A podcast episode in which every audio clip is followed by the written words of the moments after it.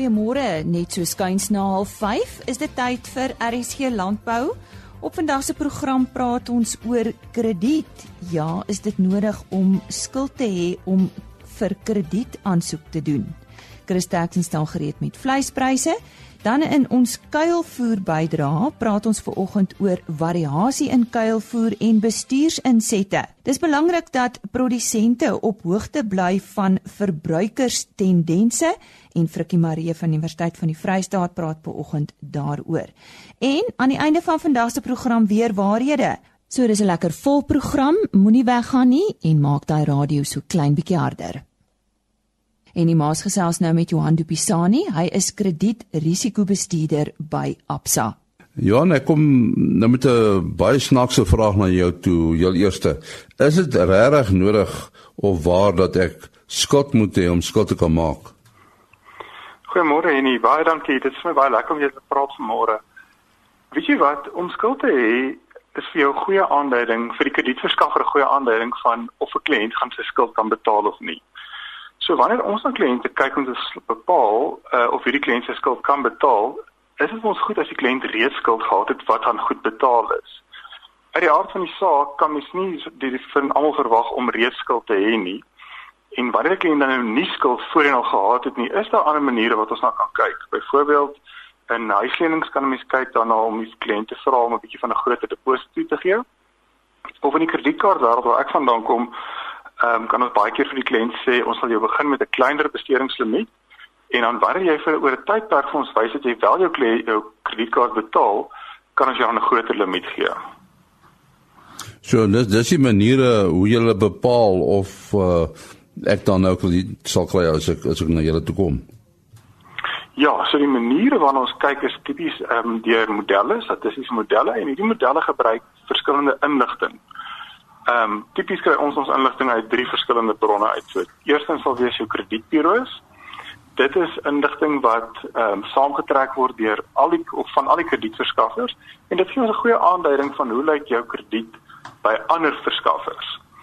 Dan tweedens ons ook interne inligting gebruik en in die bank ehm um, is dit natuurlik 'n baie groot bron van inligting omdat daar baie interne inligting is. So, wanneer jy dit aansoek doen vir 'n persoonlike lening byvoorbeeld, kan ek gaan kyk na hoe bepaal jy hoe betaal jy reeds jou kredietkaart of hoe betaal jy jou voertuigfinansiering.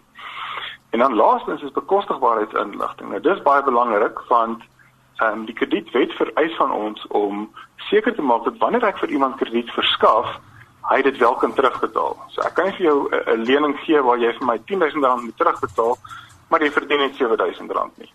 So daai drie tipes inligting is wat ons dan gebruik om te bepaal of ons iemand krediet sal gee.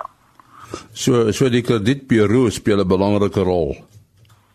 Ja, die kredietburo speel 'n baie belangrike rol in in die hele ekosisteem kan ek sê. Ehm um, waar hulle inkom is om te sê dat ons het ons het baie sterk en 'n baie goeie kredietwet in Suid-Afrika. En die kredietburo's gee ons die ehm um, die uh, moontlikheid om dan al die inligting van al die kredietverskaffers saam te trek en 'n profiel te skep van 'n kliënt sodat wanneer ek dan gaan aansoek doen vir nuwe krediet, kan die kredietverskaffer gaan en my volledige profiel na kyk. So ek kan presies sien waar het ek skuld, waar is my skuld betaal, waar is dit nie betaal nie en dit gee dan vir almal 'n goeie idee van hoe lyk my profiel as krediet ehm um, verbruiker. En en kan ek seker wees dat hierdie sogenaamde profiel korrek is by die kredietburo's? Ja, wel, so uit die die meeste werk dit baie goed. Ehm um, ons het nie vreeslik baie probleme nie, maar dit kan gebeur dat iets verkeerd gaan en dis sien ons tipies wanneer iemand ehm um, agterstallig geraak het en dan intussen die geld betaal het om weer om weer op datum te wees met sy rekening. Ehm um, maar dit wys nog nie so by die kredietburo nie. Nou sou jy 'n persoon agterkom dat dit gebeur, kan jy die uh, geskuldproses volg. So jy gaan na die kredietburo toe gaan, jy gaan vir hulle moet bewys lewer dat jou skuld wel opbetaal is. Ehm um, en sodra dit gedoen is, dan sal hulle jou profiel ehm um, korrigeer en jy kan dan teruggaan na die kredietverskaffer toe en hulle sê ek het dit nou gedoen en jy kan weer aan dit kyk. Ek sal ook aanbeveel dat kliënte so een keer die jaar na hulle kredietprofiel kyk by die kredietburo's. Al die kredietburo's ehm um, kan vir dit verskaf. Baie van hulle doen dit ook verniet een keer die jaar. Ehm um, maar om een keer die jaar te gaan en te sê hoe lyk my profiel tans? Stem ek saam met alles wat ek hier op sien? Dit gebeur mos nou soms dat eh, 'n uh, boom op jou val of uh, daar is droogte, goed wat jy nie kan voorsien nie. Uh, wat gebeur met met 'n boer wanneer uh, oh, weens faktore soos droogtes nie hulle maandelikse baie meter kan bykom nie? Um, ja, en dit is baie belangrik dat dit gebeur definitief 'n uh, ander plek ons het baie sien is afleggings byvoorbeeld waar jy skielik jou werk verloor en jy net nie meer die kapasiteit om die skuld terug te betaal nie. Ehm um, hierso is kommunikasie ontsaglik belangrik. So dit is belangrik dat jy gaan na jou kredietverskaffer toe en vir hulle sê, weet jy wat, hier het nou met my gebeur, my uh, gereelde inkomste is nie meer daar nie en ek verwag dat dit miskien vir 6 maande of 12 maande nie daar gaan wees nie. Kan ons 'n plan maak? Nou in baie gevalle sal die die kredietverskaffers bereid wees om 'n plan vir jou te maak, maar hulle is wel nie verplig nie. Ehm um, so hulle het nog steeds hulle kan nog steeds die volle bedrag van jou vereis. Ehm um, en hierso is waar ons dan kan ook kyk na iets soos kredietlewensversekering. Baie van die kredietlewensversekering eh uh, produkte gee vir jou ook die geleentheid om te om te eis wanneer jy dan eh uh, byvoorbeeld afgelê word of of hierdie tipe goed gebeur. So dit is belangrik om seker te maak wat kan gebeur met kredietlewensversekering. Die hele kwessie van goeie en slegte skuld uh in boerdery nou. Is daar iets soos goeie skuld? Ja, ek dink daar's definitief iets soos goeie skuld. Ehm um, maar skuld is goed wanneer dit aangewend word op die regte manier. Uh wanneer jy vir jou die regte implemente koop en en dit vir jou 'n opbrengs gaan gee bo wat die skuld jou gaan kos, dan is natuurlik goeie skuld. Slegte skuld dan natuurlik enige iets wat jou verder terugsit as wat nodig is. Ons sien baie kliënte gebruik skuld om om om 'n lewenstyl te befonds wat regtig nie kan doen nie. Ehm um, so in daai geval is dit baie baie sleg om om skuld aan te gaan. Goed, eh uh, Johan, jy raad aan produsente hoe, hoe moet hulle hulle skuld beter bestuur?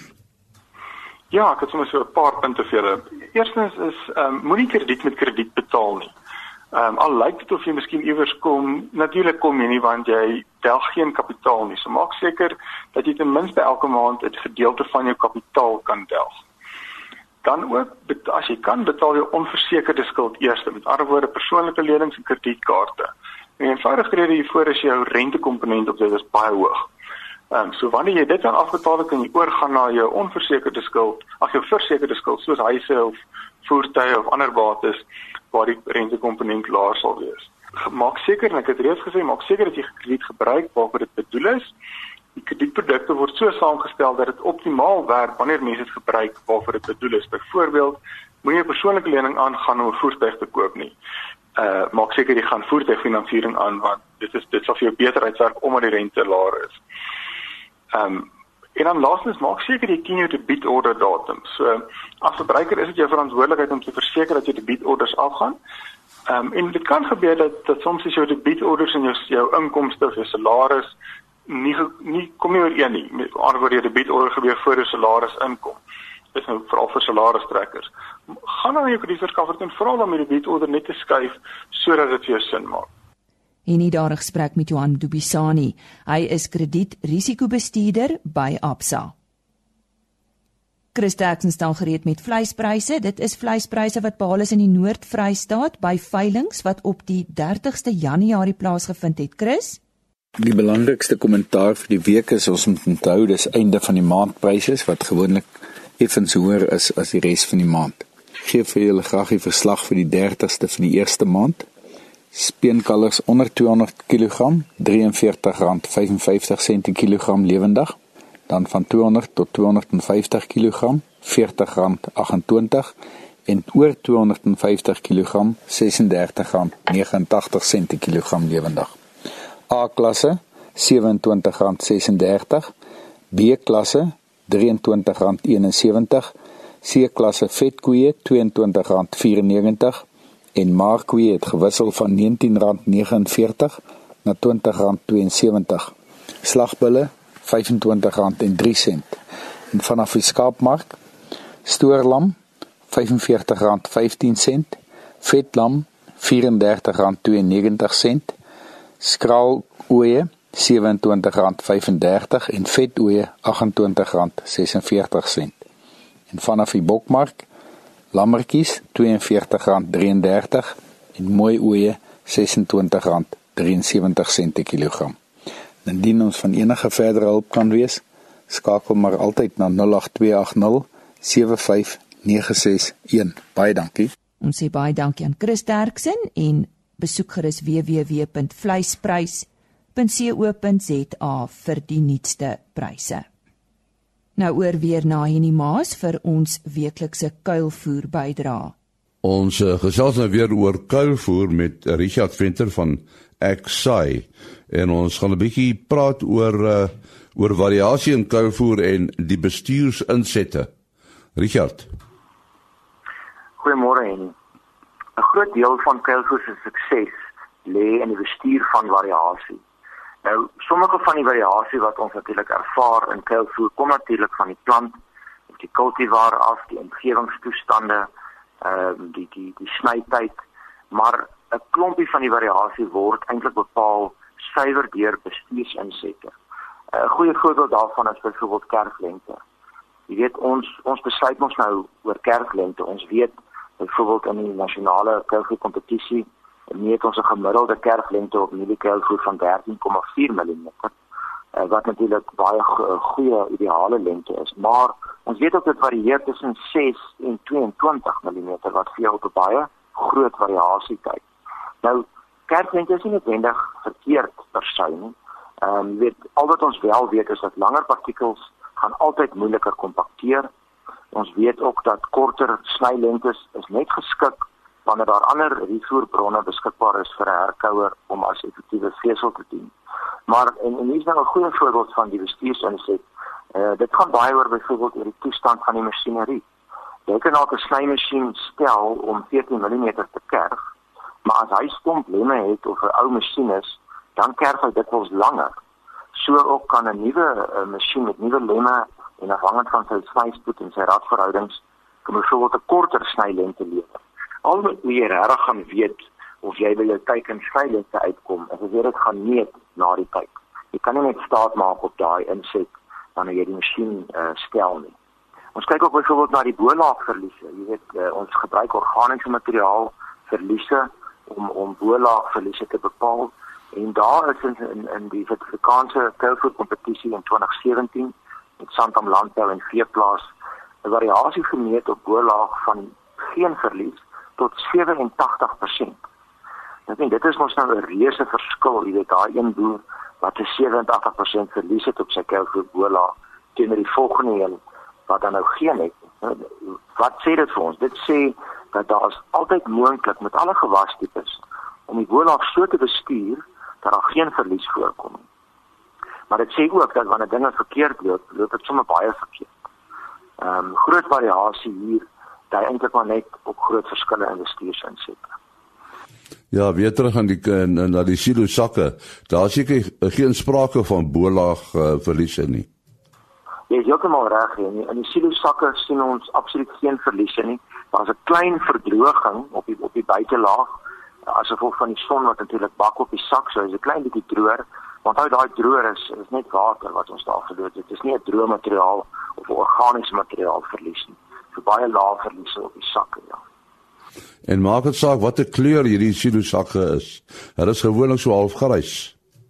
Ons sien meestal wit sakke. Dis die algemeenste op die op die stadium en die wit is maar net ideaal om die om die weerkaatsing van die son natuurlik dat daar nie 'n uh, eh, onnodige verwarming is as gevolg van die omgewing nie. Daar sê ons praat met Richard Venter oor uh, oor kuilvoer. Uh, Richard Venter van Exai.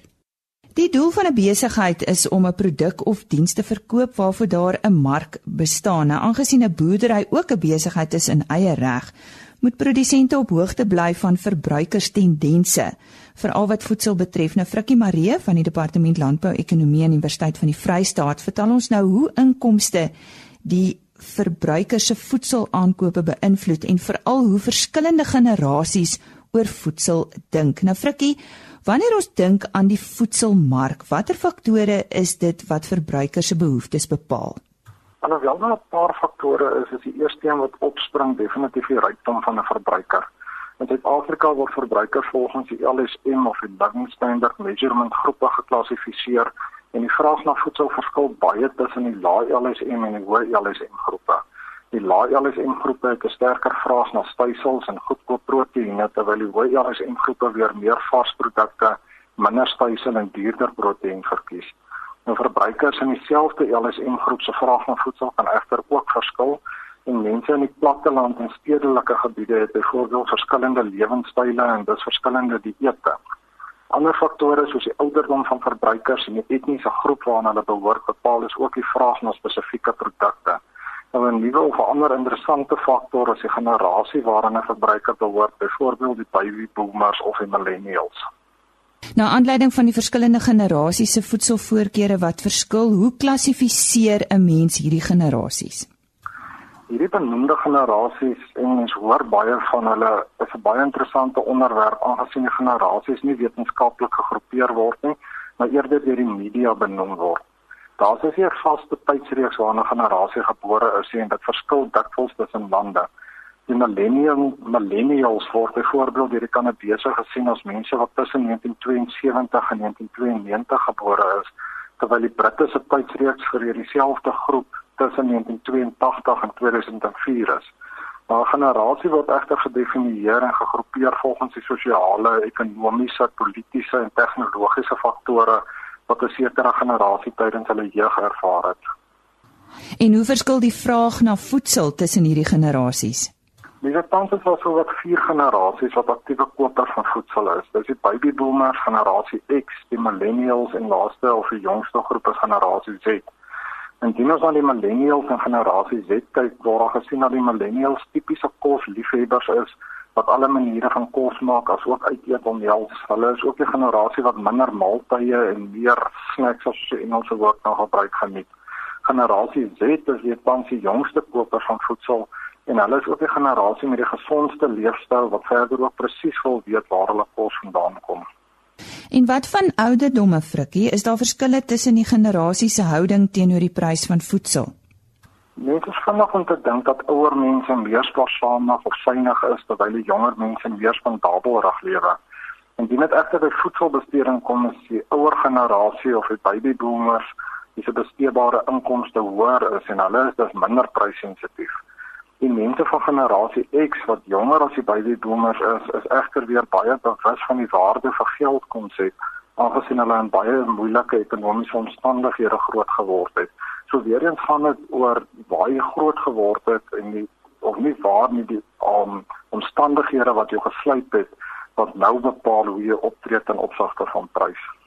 Maar kom ons praat oor tegnologie wat 'n al hoe groter rol speel veral onder ons jong mense. Is daar verskil tussen die onderskeie generasies se aankoopvoorkeure?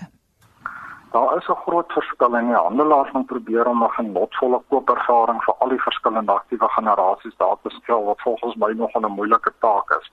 Die jongste generasie wat betrokke is by aankope, nie net voedsel nie, as ek dink aan aankope oor die algemeen, is generasie D en bestaan uit mense wat na die jaar 2000 gebore is. Nou hulle voorkeur is 'n winkel verkieslik aanlyn waar hulle alles wat hulle nodig het op een plek kan koop. Die millennials se koopgewoonte is heel teenoorgestel aangesien hulle meer bewus is van die styl van die lewe as die goed van die lewe en hulle verkies daarom om plaaslike vervaardigde hoë kwaliteit produkte by onafhanklike handelaars te bekom. Nou hierdie tendense waarvan jy praat, uh dis wêreldwyd opgemerk of of of is dit slegs in Suid-Afrika waarop fokus julle? Die invloed van generasies op voedselvoorkeure en koopgewoontes is internasionaal erkenbaar en baie lande doen navorsing daarop. In Suid-Afrika is daar egter min navorsing as jy begin soek na en die meeste navorsing wat ons vind in terme van generasievoorkeure kom van lande soos Engeland en Kanada af waar hierdie tendens aktief nagevolg word. Nou goed, wat beteken dit vir 'n produsent en hoe hulle hulle produkte moet bemark? Indien ons in die tradisionele sin van die woord dink, het landbouprodusente baie min met die eindverbruiker van hulle produkte doen. Die bemarkingsketting word gewoonlik deur verwerkers, groothandelaars, kleinhandelaars en dan kom dit eers by die verbruiker uit. Nou produsente moet egter steeds kennis neem van die veranderings in die verbruikerstendense om te verseker dat hulle in die toekoms 'n produk produseer of produksiemetodes gebruik wat aanklank vind by die verbruikers van vandag. Om jy af te sluit, uh, wat is van die ander verbruikerstendense wat onlangs opgemerk is by voedselaankope? Baie navorsing word wêreldwyd gedoen deur handelaars en voedselverwerkers om te verseker dat die produkte wat hulle aanhou wel dit is wat die verbruikers verlang. Nou een van die nuutste voedselprodukte en dense wat geïdentifiseer is, is die groot vraag na sampioenprodukte wat van sampioen gegeurde koffie tot alkoholiese drankies insluit. 'n Ander interessante nuwe neiging is die gebruik van smake wat van blomme verkry word en ons let op na smake soos roos en laventel wat ingesluit word in koeldranke, ontbytgraankose, roomys en mengeldrankies. 'n Derde een wat ons daar kan noem is die verskillende teksture wat verbruikers deesdae verlang en hulle wil krakerige hê en aan drankies wat vaste stukkies insluit en hulle wil dus verskillende mondteksture ervaar in hulle eetervaring. Ons sê nou sê baie dankie aan Frikkie Marie. Hy is van die departement landbou-ekonomie aan Universiteit van die Vrystaat. Weer waarhede saam met Johan van der Berg.